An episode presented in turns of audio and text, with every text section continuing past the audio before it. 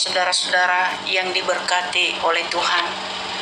Pada malam hari ini tentu kita uh, merasa bahwa Allah sudah memberkati kita dalam menjalani uh, aktivitas kita sepanjang hari ini.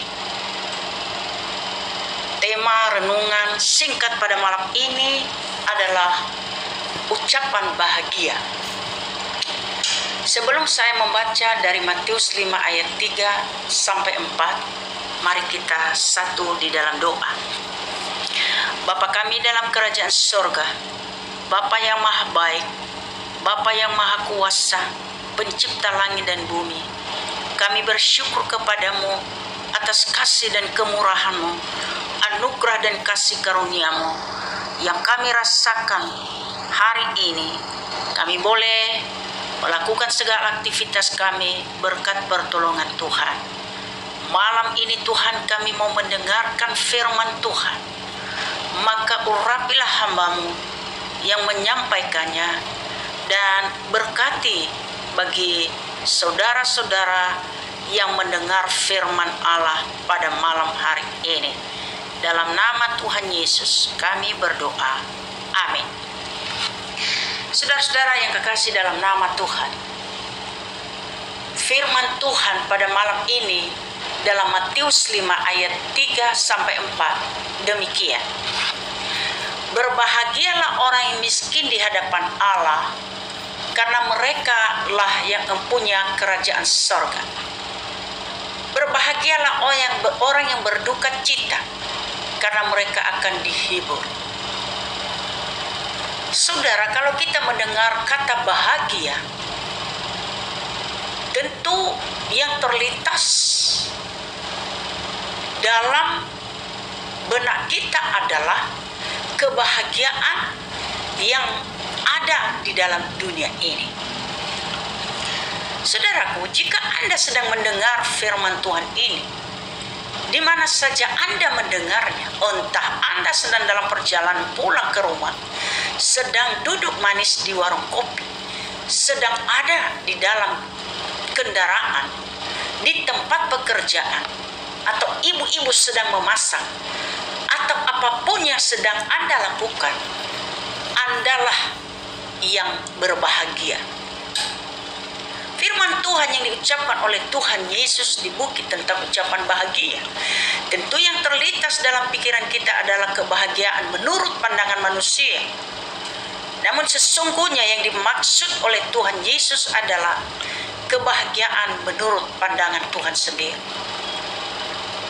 Arti bahagia adalah diberkati. Jadi orang yang sedang bahagia adalah orang yang diberkati. Memang pandangan manusia bertentangan dengan pandangan Tuhan. Siapa sih yang ingin miskin? Mana mungkin orang miskin bisa merasa bahagia? Mana mungkin orang yang sedang susah bisa merasa bahagia? Jadi bisa saja kita miskin. Kita bisa saja gagal. Kita bisa menderita. Bisa saja teraniaya. Tetapi dalam pandangan Tuhan, kita berbahagia atau diberkati.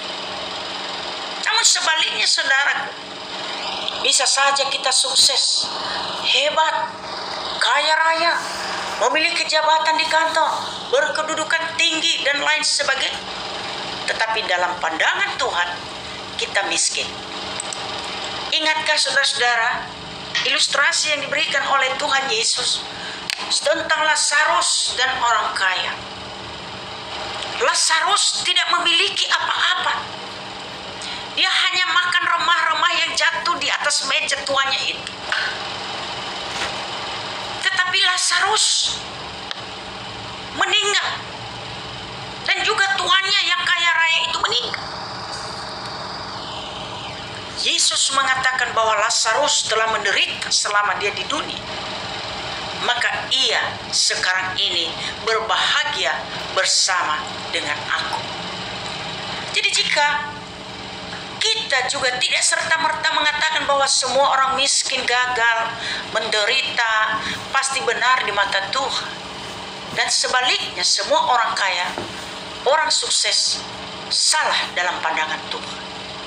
Karena miskin identik dengan kekurangan, bahagia identik dengan kelimpahan.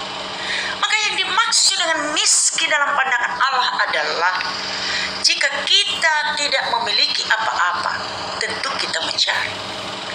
Orang yang lapar akan haus dan haus akan firman. Tuhan jiwanya akan merana. Maka berjuanglah untuk memenuhi kebutuhan jiwamu. Dan andalah menjadi orang yang berbahagia. Jadi bukanlah miskin jasmani, tetapi miskin rohani. Kalau kita merasa kita miskin rohani, maka kita setiap hari akan mencari, akan mencari dan mencari. Firman Tuhan kita cari untuk memenuhi kebutuhan rohani kita. Maka kalau kebutuhan rohani kita tercukupi, maka kitalah orang-orang yang berbahagia. Kitalah orang-orang yang terberkati. Saudaraku, kita cari kebahagiaan untuk jiwa dan roh kita. Malam hari ini, apa yang kita harus pilih? Kita harus miskin dengan rohani atau kaya dengan harta duniawi. Harus ada keseimbangan, saudara. Kalau kita setiap hari mencari untuk kehidupan di dunia ini, kita juga harus mencari dan mencukupi kehidupan rohani kita. Kita harus terus-menerus mencari Tuhan melalui firman Tuhan, melalui puji-pujian, melalui doa, melalui persekutuan. Maka di dalamnya itu kita akan merasakan kebahagiaan-kebahagiaan karena kita terus-menerus hanya bergantung kepada Tuhan. Tuhan Yesus memberkati kita. Amin. Kita berdoa. Bapak kami dalam kerajaan sorga, malam hari ini kami bersyukur atas segala berkat.